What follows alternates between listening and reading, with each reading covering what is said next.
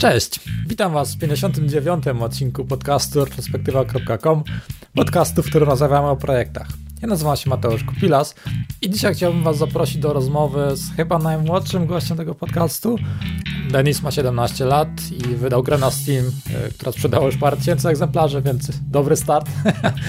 I jeżeli interesuje Was taka historia, jak, jak wpadł na pomysł, jak stworzył taką grę, jak udało mu się osiągnąć dobry wynik, to jest to odcinek dla Was. Dużo inspiracji, pozytywnej energii. Jeżeli podobnie jak ja czujecie się czasami takim starym prykiem, który potrzebuje czasami kopa do działania, to ten odcinek może Wam pomóc. Zapraszam do słuchania. I heartily endorse this event or product. Jeżeli lubicie retrospektywę, to zapraszam na retrospektywa.com, ukośnik wsparcie. Tam możecie zobaczyć, możecie wesprzeć podcast, na przykład przez zakup mojej książki Junior Developer czy autorskie gry karcianej IT Startup Karciana. Bardzo pomagają również oceny podcastu w wszelkich apkach podcastowych. To tyle, jeżeli chodzi o autopromocję. Zapraszam do odcinka. Cześć Denis, witam Cię w retrospektywie. No, siema. Przedstaw się proszę słuchaczem, kim jesteś, czym się zajmujesz. No, a więc e, jestem Denis, jestem tak właściwie twórcą takim głównym tego projektu e, RTX. E, taka gierka o kosmosie. Ja ogólnie mam 17 lat, urodziłem się w Polsce, no i tam do czwartej klasy podstawówki chodziłem i potem się z rodzicami musiałem przeprowadzić na, do Niemiec i tutaj praktycznie od czwartej klasy się uczę. No i właśnie mniej więcej w tym też okresie, kiedy się przyniosłem do Niemiec, um, tak zainteresowałem się programowaniem. No. No to chyba, chyba jesteś właśnie najmłodszym gościem tego podcastu, 17 lat i taki taki fajny projekt, no naprawdę szacun. Ja pamiętam, że jakieś takie jakieś proste no. strony internetowe w takim wieku robiłem, a tutaj mhm. całkiem fajna gierka wychodzi. No wiem, wiele, wiele osób to mówi, ale może to jest tylko takie błędne spostrzeżenie, po prostu wygląda to inaczej, ale tak naprawdę to jest po prostu gierka. I tyle. Jasne, to, to co może projekt słuchaczom, czym, czym naprawdę jest e, EarthX i jak to powstało? No więc tak, więc um, cały pom pomysł na tą grę wziął się z tego, że e, może najpierw powiem o czym w ogóle ta gra jest. Um, więc ta gra jest bardziej takim symulatorem prywatnych firm kosmicznych, gdzie y, zakłada się firmę. Um, no i buduje się rakiety, no i się walczy z konkurencją. E, czyli można powiedzieć tak, że to jest taki Kerbal Space Program, ale niestety nie jest to taki Kerbal Space Program, e, mimo że wiele razy się spotkałem właśnie z takimi porównywaniami. No i właśnie taka gra, o, ta, taki bardziej SpaceX Simulator. Czyli to jest taka gra ekonomiczna, tak można powiedzieć. Dokładnie tak, taka gra ekonomiczna. Pomysł wziął się z tego, że jestem, serio, chyba największym fanem Ilona, chociaż no, jednym z większych fanów Ilona, e, może w Europie, na świecie, nie wiem. Bardzo śledzę jego poczynania od kilku lat, praktycznie od, w sumie od wtedy, kiedy wydał Model S na taki większy rynek, no to zacząłem go śledzić.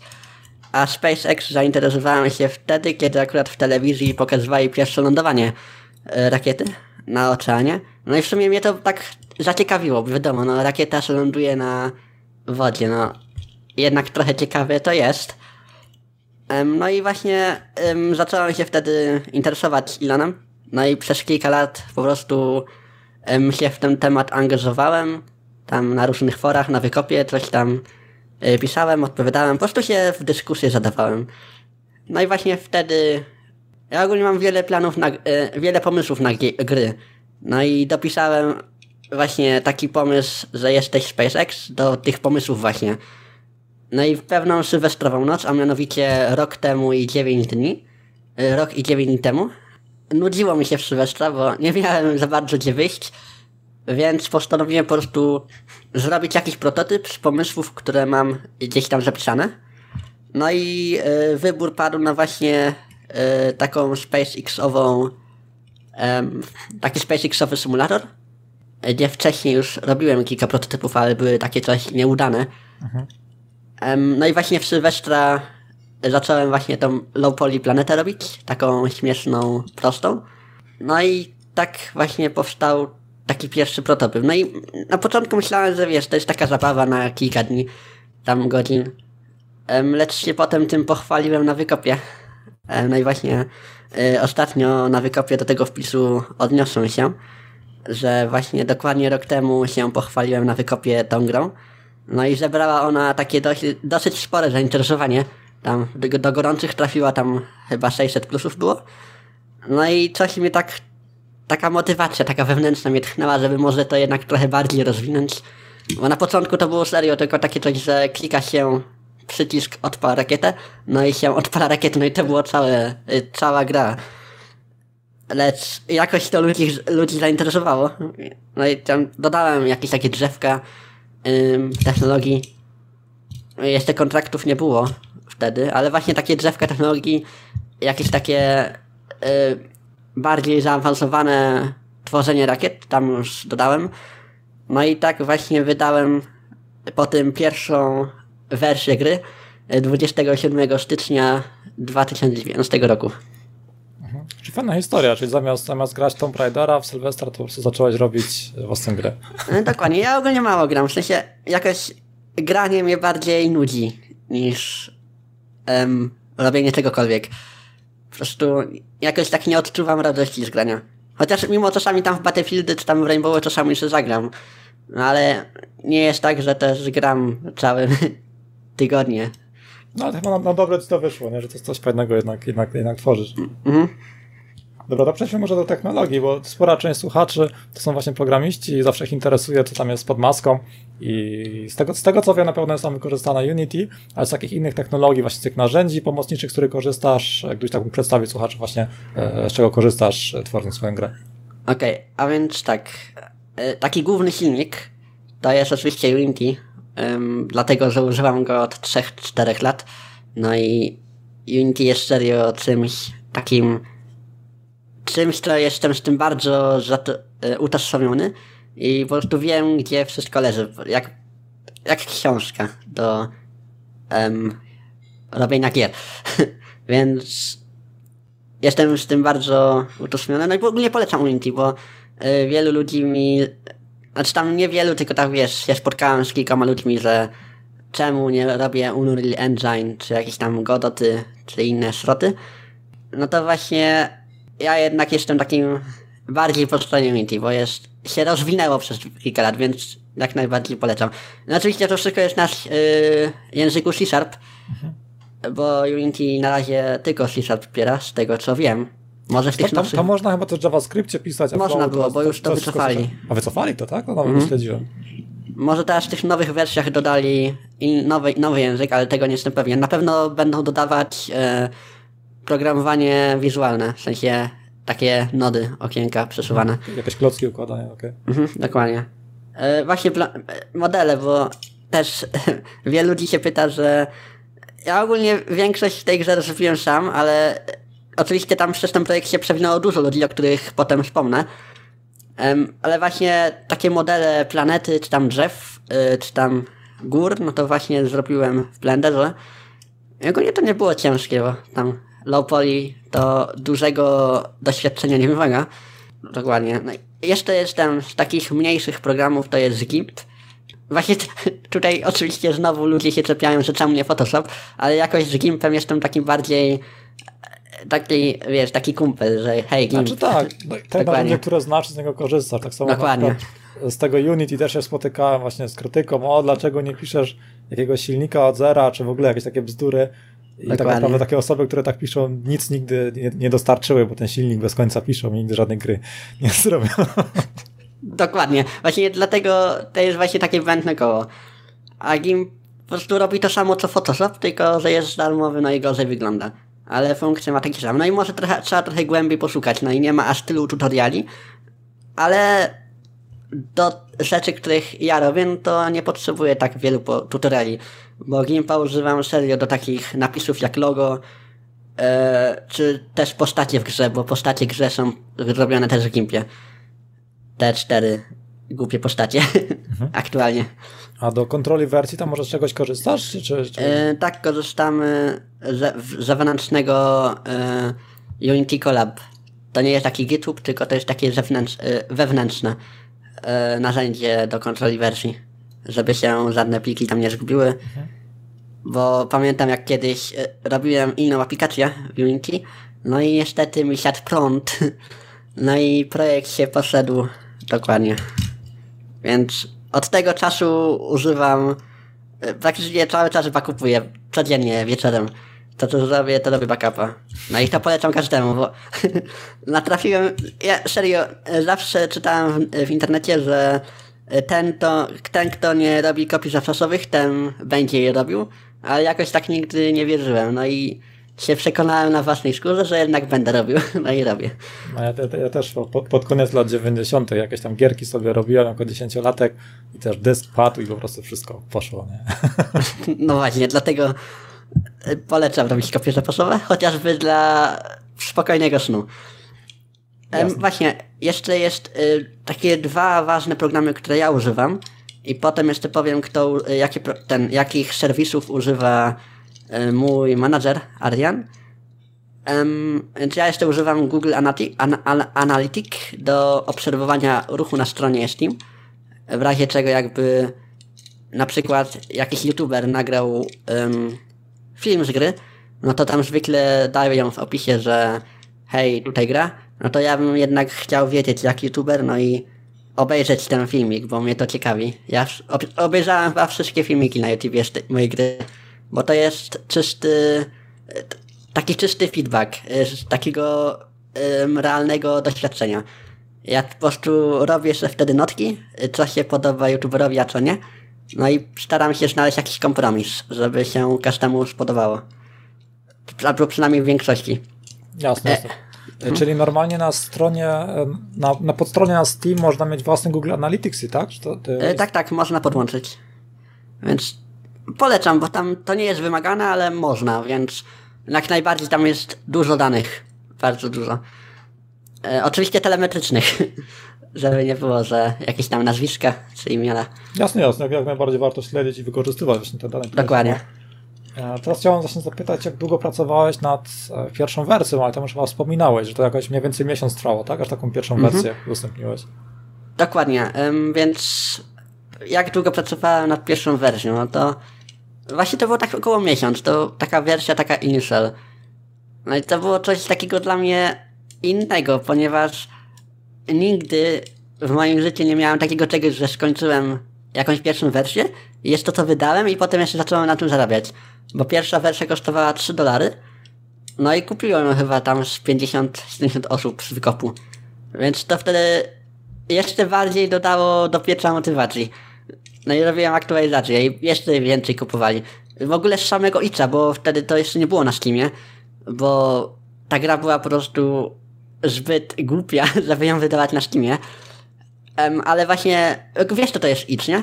Znaczy tak, tak, to może jeszcze dla tych, dla słuchaczy, bo też nie każdy tutaj jest e, z game devu. Itch to jest tak naprawdę taka platforma podobna jak Steam, tylko mniejsza i tam możemy z tego, co się orientuje, e, kompletnie za darmo udostępnić naszą grę, a na Steamie Dokładnie. chyba 100 dolarów trzeba zapłacić, żeby swoją, swoją grę wrzucić. Mhm. I ogólnie po prostu Itch to jest taka platforma startowa dla indyków. W sensie, żeby zobaczyć, ocenić poziom zainteresowania. Tak, żeby po prostu też w łatwy sposób udostępnić swoją grę osobom z zewnątrz, to warto po prostu wrzucić na Itcha. Dokładnie. Um, no i właśnie z całego Itcha w ogóle tam sprzedawaliśmy do wakacji, czyli do tam premiery Steam. No i teraz potem we wrześniu wróciliśmy, ale przez dwa miesiące postanowiłem wyłączyć sprzedaż na Itch, żeby nie robić zamieszania wśród potencjalnych graczy, że gdzie mają kupować, co jak. Um, właśnie do wakacji tam kupiło tę grę um, ponad 300 osób. Więc e, z tego, co tam czytałem, to jest na taką platformę jak itch to jest dużo. Tak, tak, podobno dużo. w ogóle nie, niektóre indyki na Steamie nawet tysiąc sprzedanych egzemplarzy nie przekraczają. Dokładnie. Znaczy z tego to nie wiem, ale na itchu to jest, żeby zrobić, zarobić 1200 dolarów, yy, to jest aż, ja się aż sam nie mogłem po prostu nie mogłem um, znaleźć takiego, takiego, takiej, takiej przyczyny. No i właśnie szukałem tej przyczyny, no i potem jeszcze opowiem. Jasne, um, porozmawiam o tym marketingu. Więc jest też Discord do, komunik- do komunikacji ze społecznością. Więc Discorda polecam jak najbardziej, nawet do tych najmniejszych y, apek, tam gier, y, dlatego że um, od z tego co wiem, to nie ma gracza na świecie, który nie, no, tak, takiego normalnego gracza, który nie korzysta z Discorda, a Discord to jest bardzo łatwa komunikacja e, z, właśnie z takimi graczami. I ja sam mam serwer Discord, tam jest ponad 400 osób chyba, albo 300, nie wiem. Nie sprawdzałem dawno. No i co tam aktualizacje wypuszczę, no to e, właśnie są te oceny, czy tam jakieś takie znalezione bugi, takie przemyślenia i to strasznie pomaga. I ogólnie czuję się po prostu lepiej, bo po prostu to jest takie, to jest takie budowanie zainteresowania wewnątrz takiej zamkniętej społeczności. To jest... Ja, to jest też takie marketingowo po prostu dobre narzędzie, nie? żeby tą społeczność zbierać, dawać jakieś dokładnie, dokładnie. o aktualizacjach i tak dalej. Dokładnie, dokładnie. Um, jeszcze potem, jakby, jakby mógł, to jeszcze opowiem, bo ogólnie jeszcze więcej ludzi przy tej grze się przewinęło, no i jeszcze trochę przy tej grze ludzi teraz, nawet teraz pracuje, więc nie chciałbym sobie przy, przypisywać y, zasług, wiesz, Jasne, może, może swój, swój, zespół tam wymienić, nie? skoro nie robisz tej gry samodzielnie, no to śmiało. Mhm. Więc jest też muzyka w tej grze i to jest taka muzyka bardziej autorska, chociaż uznałbym ją bardziej taką ekskluzywną y, dla gry. No i zrobiła ją X Andra z Wykopu. To pewnie może kojarzysz, może nie? Taka... No tak, no, tak gdzieś mi się przewinęła chyba, tak, to, to właśnie tam wrzuca jakieś takie Taka rzeczy z, z retro sprzętami, nie? Takie coś tam. No chyba tak, kojarzę. Um, właśnie, jeszcze Roman, mój kolega, od 6 lat się przyjaźnimy. Um, on tam rozwijał swoje gry pod moim studiem, ale teraz robi to trochę mniej intensywnie, ponieważ ma więcej szkoły. Ale pracował bardzo przy zwiastunie do gry, tym pierwszym. Um, no i właśnie do tego zwiastuna też muzykę sam zrobiłem, w sensie tą, tą drugą część. E, ta pierwsza część to jest zwykła, klasyczna kanon, a ta druga część to jest taka zremasterowana y, Winter. Więc... Więc robiliśmy właśnie z Romanem ten zwiastun gry y, na podstawie tej muzyki. I właśnie jeszcze mamy też ten dwóch testerów, znaczy teraz mamy jednego, jednego testera, ale mieliśmy dwóch testerów, to był Michał i Karol. E, Michał niestety odszedł we wrześniu albo w październiku, nie pamiętam, a raczej we wrześniu. E, z powodów wewnętrznych konfliktów w zespole, bo takie też były. I pewnie chcesz znać powód, nie? Bo tutaj się nawet... Znaczy, możesz, możesz powiedzieć, ale, ale nie musisz, jeżeli na przykład, nie wiem, nie chcesz. Znaczy ogólnie to wygląda tak, bo Michał bardziej chciał rozwijać tę grę pod względem takiej jak to robią takie wiesz, prawdziwe studia, nie? I to jest dobre, bo to jest bardzo dobre, bo tam dokumentacja, jakieś takie y, plany, dokumenty, to właśnie. A też nie, nie wszyscy tak robią, nie? No wiem, ale takie większe studia na pewno, tam jednak pracuje dużo ludzi przy jednej grze i każdy musi się um, jakoś komunikować, żeby nie było cały czas ej Jasiek, a jak zrobić to, a co robi to, więc Michał bardziej oddawał ten klasyczny wystrój studia. Jednak ja, jak ja robię grę, no to ja wolę, wiesz, tak po szkole przyjść, wieczorem usiąść no i po prostu robić. Tak wiesz, bez zbędnego planowania. Oczywiście to się potem odbija na balansie, ale jakoś to się y, powoli naprawia. No tak, ale ja... Znaczy, tak, tym bardziej taki, taki projekt po mhm. godzinach robiony po szkole, Dokładnie. nie wiadomo czego, czego tu oczekiwać, to zrobione mhm. dla fanu chyba w, w głównej mierze, a nie jakoś tam z planem biznesowym i w ogóle. No dokładnie. Więc ja po prostu, ja wolę e, zrobić coś spontanicznie, no i czasami wiadomo, zdarza się tak, że wpadnę na jakiś pomysł, e, na przykład w miesiącu marzec, tak?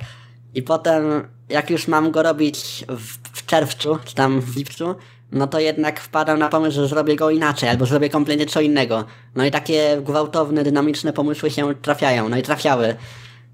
Więc, no takie coś się, trzeba się też przygotować przy, przy robieniu gier, bo e, jeśli jest taki projekt długoterminowy, na tam rok, czy tam dwa, no to bez GDD, um, czyli Game Document Design, bo takiego nie mam, ta gra też takiego nie ma, um, no to trzeba się przygotować na to, że plany mogą się po drodze zmieniać. I to bardzo. E, właśnie, jest też Adrian. Y, poznany przez Wykopa. W ogóle większość ludzi jest poznanych przez Wykopa. Taka wykopowa gra. No to, to śledziłem właśnie, że na, na tagu tam sporo osób się udziela, że na pewno jest to fajna e, marketingowa mhm. tuba propagandowa taka. No pewnie tak. No i też rozdaję, bo tam było też dużo rozdaję. To przy tym zebrałem też dużo, dużo zainteresowania. A na przykład taki Adrian, poznany przez Wykopa w maju, to było tak na dwa miesiące przed, yy, przed wydaniem gry na Steamie. Yy, w sensie w, formie wczesnego dostępu.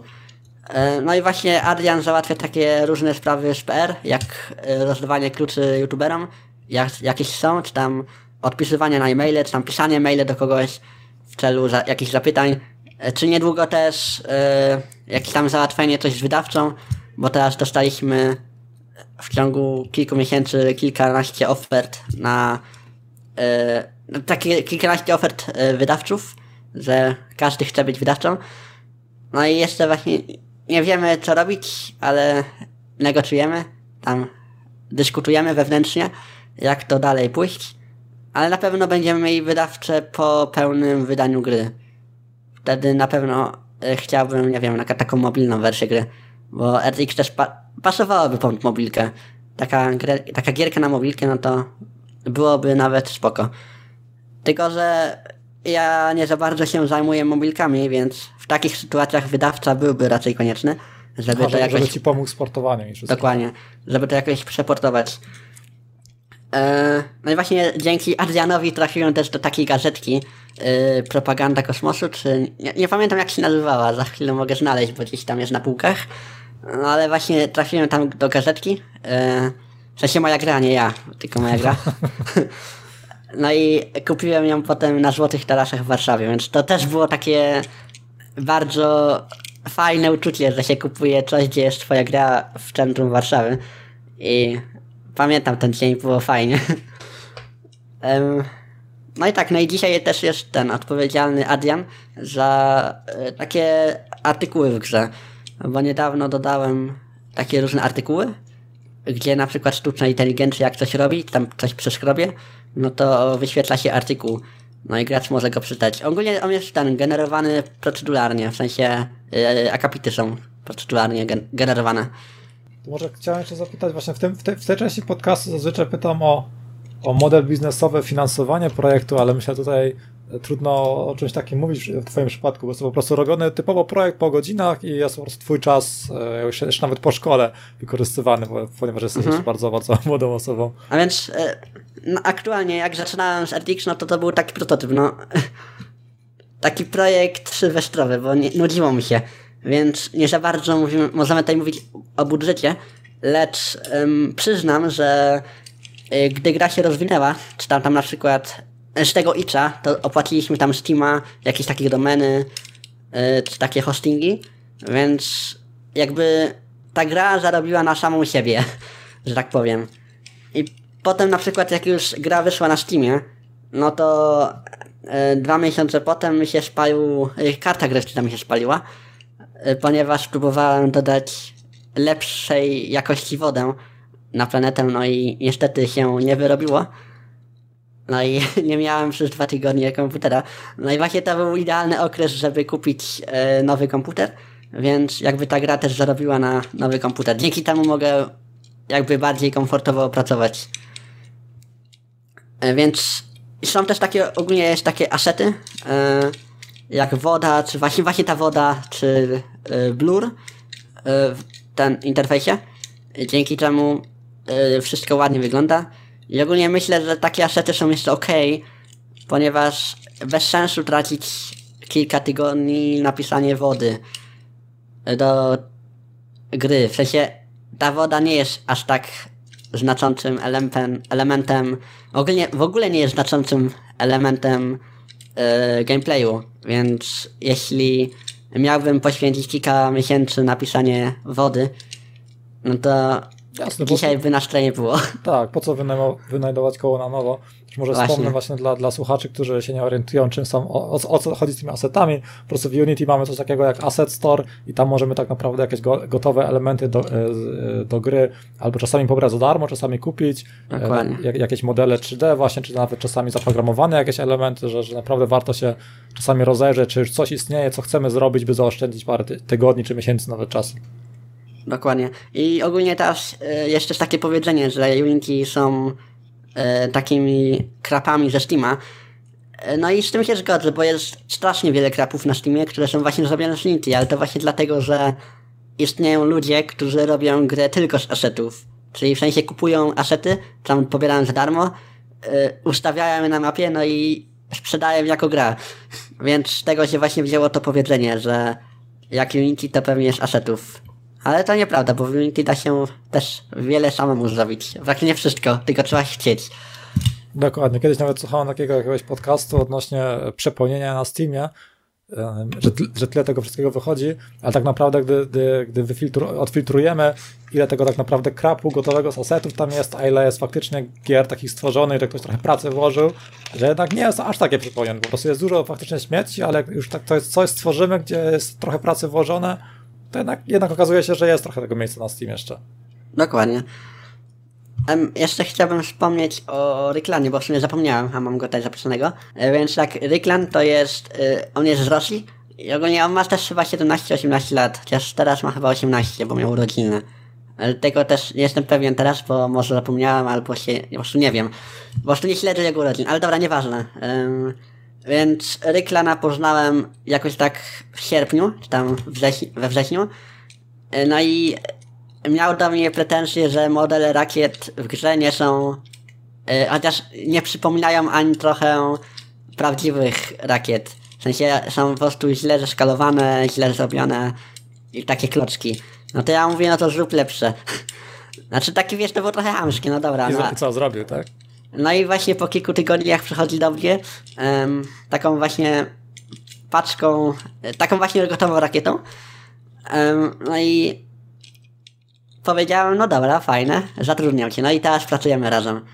No i dzisiaj jest tak poniekąd współtwórcą Ethics, ponieważ zrobił masę modeli rakiet i robi też dużo modeli do naszej kolejnej gry, bo będziemy się po prostu zaprzyjaźniliśmy, no i będziemy robić razem wspól, wspólnie następną grę. No i on też jest właśnie takim fanboyem Ilona, więc znalazł swój swojego. No, no, no i właśnie jest też y, ten Spate, który nie robił dźwięków rakiet, ale rozpoczął tydzień temu. Ogólnie problem jest taki, że nie mogę znaleźć żadnego serwisu, gdzie mógłbym po prostu kupić jakąś licencję na dźwięk danej rakiety.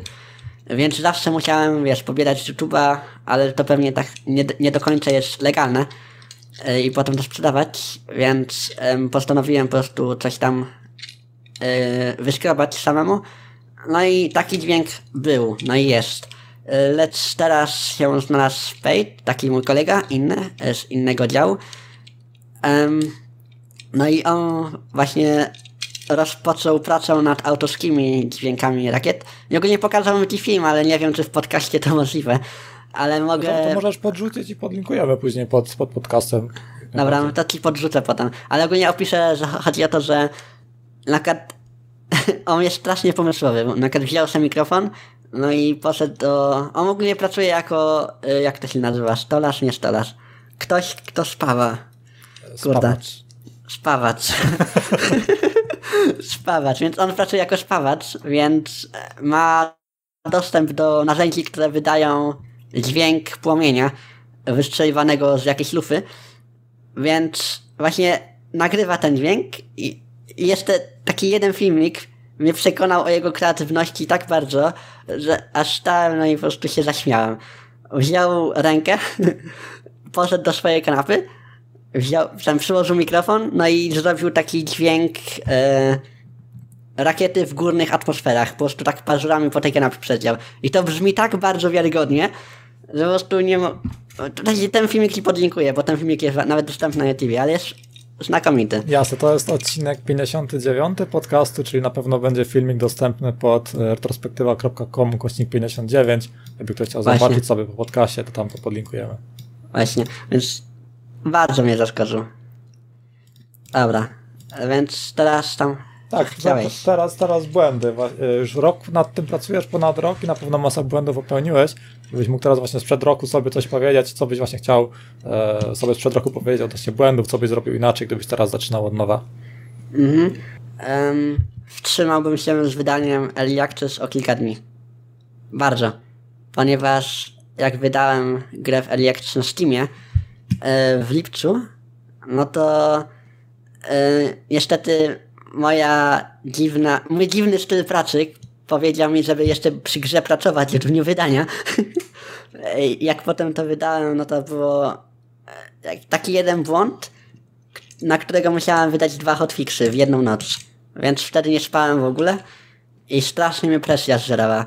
I ogólnie ten pierwszy hotfix, jaki wydałem, to był, podawał inny błąd, ale to tylko dlatego, że ta presja mnie właśnie strasznie w tej nocy wzięła, no i po prostu przeoczyłem kilka rzeczy.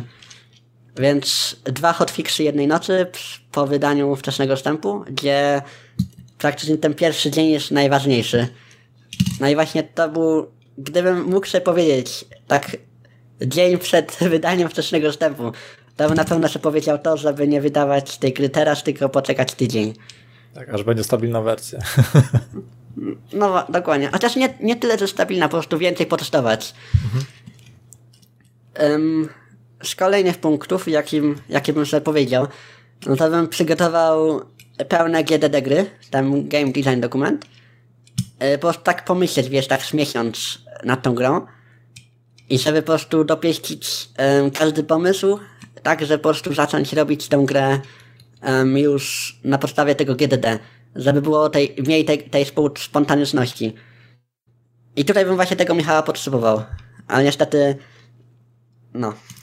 Więc jeśli mógłbym komuś coś doradzić, to doradziłbym to, żeby po prostu chociaż powierzchownie projekt zaplanować. Ale z drugiej strony, skoro jest to taki projekt robiony typowo po godzinach dla fanu, to takie właśnie projektowanie, robienia tego typowo właśnie jak praca, to z drugiej mhm. strony też, też mogłoby zabić motywację, nie? że to nie jest takie spontaniczne. Nie, nie chodzi mi o takie dokładne planowanie, mhm. tylko takie powierzchowne, że po prostu mniej więcej wiedzieć co najpierw, a co potem. A, okej. Okay. Bo jeśli się wszystko naraz zacznie robić, no to się potem robi śmietnik mhm. w, w projekcie. I ogólnie właśnie ta spontaniczność, no to właśnie czasami jest dobra, czasami może y, dużo problemów narobić. I no i właśnie tym ostatnim punktem, jakim bym nie robił, no to nie dodawałbym płaskiej ziemi.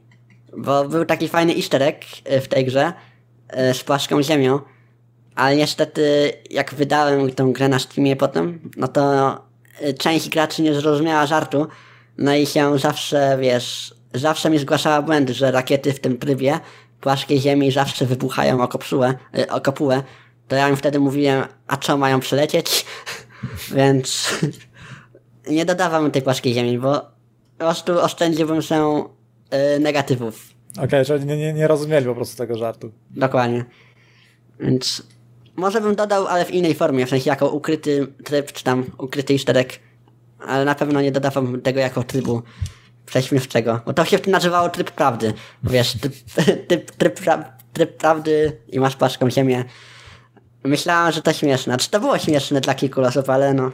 Niestety znaleźli się tacy, którzy nie, wzi nie wzięli. E, tu, tu wspominałeś o Early Access na Steamie i też myślę, mhm. część słuchaczy może tego, tego pojęcia w ogóle nie znać. Gdybyś tak właśnie wytłumaczył słuchaczom, czym jest Early Access jakie są twoim zdaniem e, zalety i wady wydawania czegoś, gry jako Early Access na Steam. Dobra, więc w teorii Early Access powinno być takim czymś, że wydaje się grę, która jest w trakcie robienia, żeby po prostu zbierać jak najwięcej możliwego e, feedbacku, czyli opinii graczy, e, żeby tę grę jeszcze bardziej ulepszyć przed pełnym wydaniem. No i to się w większości e, produkcjach sprawdza, lecz znajdują się też takie, produk takie produkcje, które niestety nie dają rady. Na przykład takie Daisy, które jest od kilku lat w early accessie, ale dobra, nieważne. I takie wady czy zalety. I tutaj mówimy o RTX, nie? Tak, tak, konkretnie o, o twoim projekcie i może, może oprócz tego projektu, jakie masz generalne zdania na ten temat. Okej, okay. więc tak, największą wadą, jakie jest wydawanie projektów w Early Accessie w formie wczesnego dostępu, to jest takie coś, że jednak istnieją gracze, którzy biorą taką grę za pełną grę, za skończoną grę. No i się oburzają, że ta gra ma mało funkcji, że tutaj coś nie działa, że to, że to nie jest gra. Więc to jest właśnie największa wada, że nieważne jakby z kim to napisał, że tam wczesny dostęp, że to nie jest skończona gra, czy tam coś, to i tak znajdzie się ktoś, kto będzie to oceniał jako pełną grę. Um, natomiast największą zaletą jest właśnie ta otwartość. Ta, ten przepływ tych opinii, że jednak y, niek niektóre opinie mogą po prostu zmienić przebieg projektu, czy tam poprawić jakąś rzecz, czy choćby, nie wiem, znaleźć jakieś błędy przed pełnym wydaniem. Więc myślę, że mm, gdybym miał e, szansę poczekać z grą do, do pełnego wydania lub wydać ją w Early Accessie, no to wydałbym ją w Early Accessie, po prostu to jest pomocne. Więc nie widzę w tym nic złego, ale lepiej tego po prostu nie, nie, nie nadużywać. No i kolejną rzeczą jest to, że po prostu e, taką wadą, że um, warto wydawać tym Early Accessie, wiesz, tak aktualizacje regularnie. No i na początku mi się to udawało, ale teraz na przykład od października nie było aktualizacji, ponieważ pracuję na taką większą. No i właśnie ta też szkoła. E, przez szkołę czasami też czasu nie mam, żeby tam coś zrobić szybciej czy coś. Więc no, niestety istnieją wady, zalety, ale z mojego punktu widzenia bym jednak polecił, bo fajna przygoda. Tak, tym bardziej właśnie jak, jako taki, jakiś taki mały twórca, e, na przykład nie masz budżetu na testerów, by dużo opinii zbierać, to taki early access naprawdę pomaga, bo masz taki mały zespół tak naprawdę zaangażowanych ludzi, którzy pomagają w tym. Dokładnie, dokładnie. Więc to jest jak najbardziej na plus. Właśnie ta pomoc. Jasne, to chyba właśnie największy plus. To chyba tyle, jeżeli early access, e, o early access to, to chyba wszystko, nie? Czy chciałbyś tam jeszcze coś dodać? Mm, myślę, że to wszystko. No i teraz chyba właśnie największy problem e, często wielu, e, wielu programistów, jak właśnie stworzymy coś, jak to teraz reklamować, jak, jak właśnie reklamujesz, reklamujesz RX, oprócz właśnie, wiem, że na Wekopie sporo tam wrzucasz, tam masz sporo mhm. śledzących, a tak jak są, jakie są twoje inne sztuczki na marketing i jakie są tego efekty? Okej, okay, więc powiem ci, że sam nie wiem.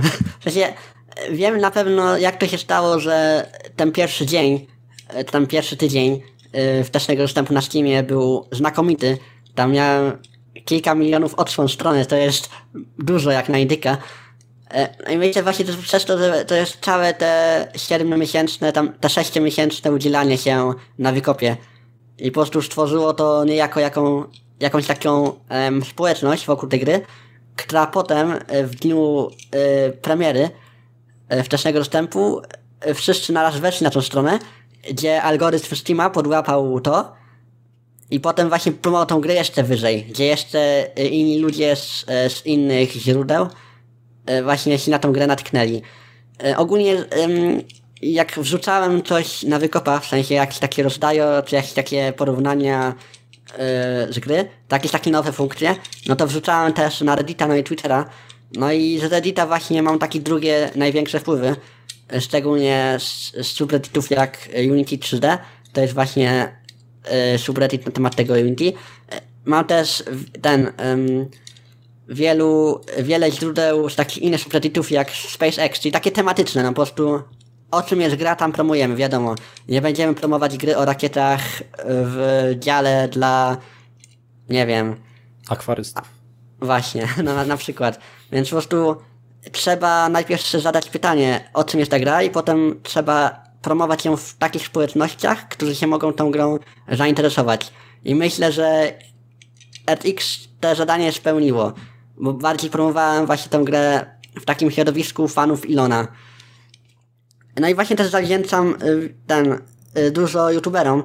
Tam nawet jeden youtuber z dwoma milionami subskrypcji y, nagrał filmik na temat tej gry. No i właśnie to też napędzało po prostu algorytm Steama. Więc myślę właśnie, że też zainteresowanie tym cały, cały marketing po prostu robi się sam, tylko trzeba go jakby ruszyć, żeby tak, się robił. Rozkręcić, trzeba zbudować tą kulę śnieżną, Dokładnie. społeczność budować, by to wrzucić właśnie w ten algorytm Steama, żeby to później dalej promował, e, czy właśnie Dokładnie. tak jak e, właśnie z tym FX-em dobrze wbić się tematycznie w hypowany temat, nie? że wiadomo coś tam z Elonem Muskiem jest coś, jakieś wydarzenia ciekawe, to wiadomo zainteresowanie twoją grą potencjalnie też może skoczyć. Dokładnie. I tutaj e, parę osób na mediach społecznościowych pytało, ile osób wrzuciło grę na wishlistę ile tak naprawdę się sprzedało? A więc um, na wishlistę to jest tak kilkanaście tysięcy. Teraz ma aktualnie na wishlistie. A sprzedanych kopii to można tak... Dokładnych liczb podać nie mogę, bo mi mój menedżer zabronił. W sensie nie jest to jakoś wymagane przez Steama, żeby tego nie mówić, ale jednak wolimy analizować najpierw um, wewnętrznie te liczby ale sprzedanych kopii jest tak kilka tysięcy, można powiedzieć. No, to tak, Więc... jako taki pierwszy projekt no to jest bardzo dobrze. To, ja, ja jestem... dobrze, bardzo naprawdę gratuluję. Ja bym, był za, ja, ja bym zadowolony z tu sprzedanych kopii. Mnie by to wystarczyło, taka motywacja. Ale każdy dzień jak sprawdzam Steama, no to jeszcze bardziej motywuje. Po prostu odpalam, no i robię dalej. Bo czemu nie? I ogólnie ta społeczność, która się zbudowała, to jest też coś fajnego. Więc przy projekcie warto też budować społeczność, bo to jest serio, jak ktoś patrzy ci na ręce, tam czeka na nowe funkcje, nowe aktualizacje, to jest coś fajnego. Więc to polecam. Tak, i to jest taka inwestycja na przyszłość. Jak będziesz robił kolejną grę czy coś, to znowu będziesz miał łatwiej z tą społecznością no. rozkręcić, no to też, znowu ten algorytm w Steama uderzyć, żeby znowu e, to Steam to promował dalej po prostu. Dokładnie, to też. No to na koniec chciałbym właśnie zapytać o te twoje plany na przyszłość. Już wspomniałem właśnie o tej, o nowej grze, na którą robisz, czy jakie są twoje generalnie plany na przyszłość, czy związane z RFX-em, czy może z czymś nowym? Więc tak, na pewno planuję e, tam jeszcze wydać kilkanaście aktualizacji do Ethics, żeby właśnie wydać tę grę jako pełną grę. E, żeby po prostu potem już się tak bardziej nie skupiać na Ethics, tylko właśnie na y, kolejnych grach, bo mam też kilka fajnych planów, o których dzisiaj bym raczej nie chciał wspominać, bo te plany są tak bardzo wczesne, jak bardzo wczesne, więc ale na pewno jak Ethics już wyjdzie z pełnego wstępu, to tam będą czy jakiś czas aktualizacje. Po prostu w mniejszym, w mniejszej częstotliwości. Po prostu nie będzie to już, wiesz, co miesiąc, co dwa, tylko tak co trzy, cztery. Jakaś tam mniejsza aktualizacja. Mm. No właśnie, a co do tych aktualizacji, tam planuję e, rozwinąć aktualne funkcje, które są teraz w grze, ale także dodać nowe, na przykład e, o tych funkcjach, które teraz mogę wspomnieć, bo będą na 100%, to będą planety, kiedyś, że można sobie polecić na Marsza, czy tam taki Starlink, bo teraz to jest na hypie, że ogólnie to jest takie ilonowe, że wystrzeliwuje się Starlinka na całą planetę i to jest fajne. Starlink to jest, to są te y, małe satelity internetowe. Aha, które... nie, ja myślałem, że to są te, te, bo tam było coś takiego właśnie też, Elon miał jakiś taki pomysł z tymi jakimiś takimi windami, czy coś, że to, że a nieważne, nie, nie kojarzę, nie kojarzę. może, może coś przekręciłem, okej, okay, okay, to Starlinki, czyli to satelity, okej. Okay. No, ale pewnie słyszałeś o tych światełkach y, w, w zędzie, mhm. czy tak lecą na niebie. To jest właśnie Starlink. To będzie taki globalny internet. No i właśnie taką funkcję też planuję dodać do gry. No i właśnie coś tak, takie typowe SpaceXowe, na przykład łapanie owiewek, tam testowanie takich pojazdów. Na przykład teraz będzie aktualizacja taka największa dość. To będzie, postaram się pod koniec stycznia, ale się mogą plany zmienić. Właśnie doda tą y, Międzynarodową Stację Kosmiczną, te kapsuły, więc to będzie coś fajnego. No, ale właśnie takich planach na przykład to właśnie planuję tą grę skończyć, wydać jako pełna gra, y, żeby potem właśnie y, inni wydawcy się mogli zająć sportami, jak jakieś znajdziemy. A potem zacznę robić z reklanem następną grę. No, to super. I... Myślę, na pewno masę osób zmotywowało i by się na czymś zabrali. Tym bardziej właśnie, że jesteś taką młodą osobą i udało się parę tysięcy egzemplarzy własnej gry na Steamie sprzedać, to jeszcze w ogóle we wczesnym dostępie, jeszcze nie jest pełna wersja gry. Że no, na, też się zdziwię. że, że na, naprawdę myślę, że wielu słuchaczy, którzy na czymś dubią, to teraz nadepnąłeś na ambicje. Myślę, że o, że taki kurde młodzian. Ja go nie mam takim, e, taką, e, taki mały ten... E... Protip. Protip, dokładnie że jak już się coś zacznie, no to lepiej to skończyć, bo nie wiem, tak się motywować, żeby to skończyć.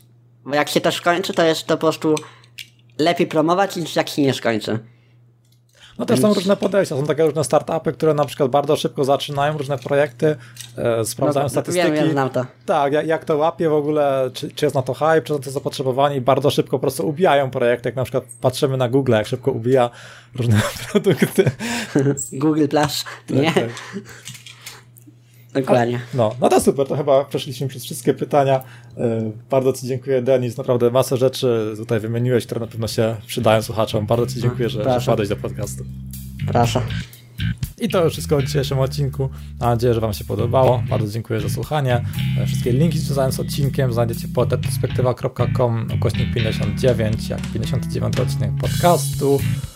I pozostaje mi życzyć Wam wszystkiego dobrego w nowym roku, jeżeli słuchacie tego w styczniu, ponieważ jest to pierwszy odcinek e, w roku 2020, więc wszystkiego dobrego. Jeżeli słuchacie tego w maju, to mam nadzieję, że macie udaną majówkę. Zapraszam również do zgłaszania się z własnym projektem, jeżeli rozwijacie coś, co nie zostało zrobione przez weekend na kolanie, tylko faktycznie poświęciliście tam trochę czasu i macie, macie jakieś wnioski, którymi chcielibyście się podzielić, to zapraszam do kontaktu. Dla Was jest to jakaś tam dodatkowa reklama, a dla słuchaczy jest to jakaś dodatkowa wartość. Zawsze warto posłuchać sobie historii różnych osób, by zobaczyć coś z ich perspektywy. Słyszymy się prawdopodobnie znowu za dwa tygodnie. Cześć!